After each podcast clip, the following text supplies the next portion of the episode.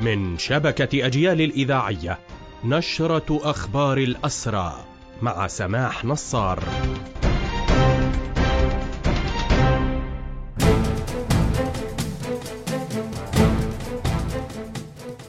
أهلا ومرحبا بكم إلى هذا اللقاء.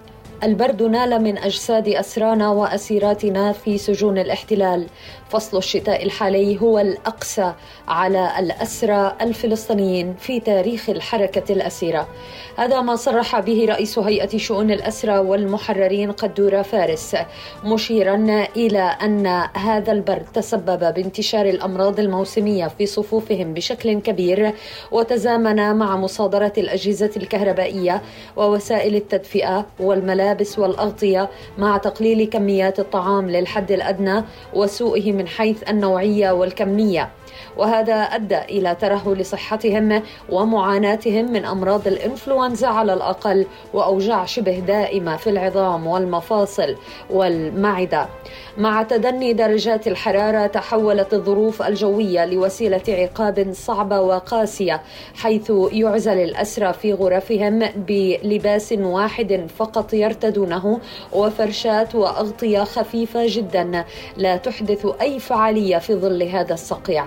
الأمر الذي جعل من أسرانا فريسة لهذا الشتاء الذي تدنت فيه درجات الحرارة إلى مستويات كبيرة وبشكل ملحوظ. علما أن أبواب الغرف والزنازين هي مجرى للرياح وتتضمن فتحات يتسلل منها البرد ومياه الأمطار بسهولة. نواصل في أخبار هذه النشرة نعت هيئة شؤون الأسرى والمحررين والحركة الأسيرة والد المعتقل مراد أبو الرب الذي وافته المنية يوم أمس.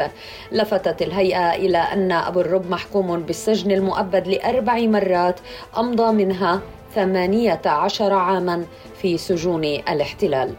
حملة الاعتقالات اليومية التي يشنها الاحتلال في محافظات الضفة طالت على الأقل عشرة مواطنين من جنين ومن قلقيلية وكذلك من نابلس ومن يطا في الخليل. هذا إلى جانب عمليات الاعتقال الواسعة التي يشنها الاحتلال في محافظات غزة تحديدا في غرب مدينة غزة حيث سجلت عملية اعتقال لعشرات من المواطنين الذين تتراوح أعمارهم بين 15 عاما وخمسة عاما.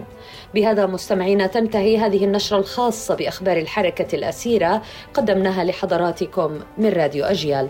تحية الحرية لأسرى الحرية وتحياتي سماح نصار المجد والخلود لشهدائنا الأبرار.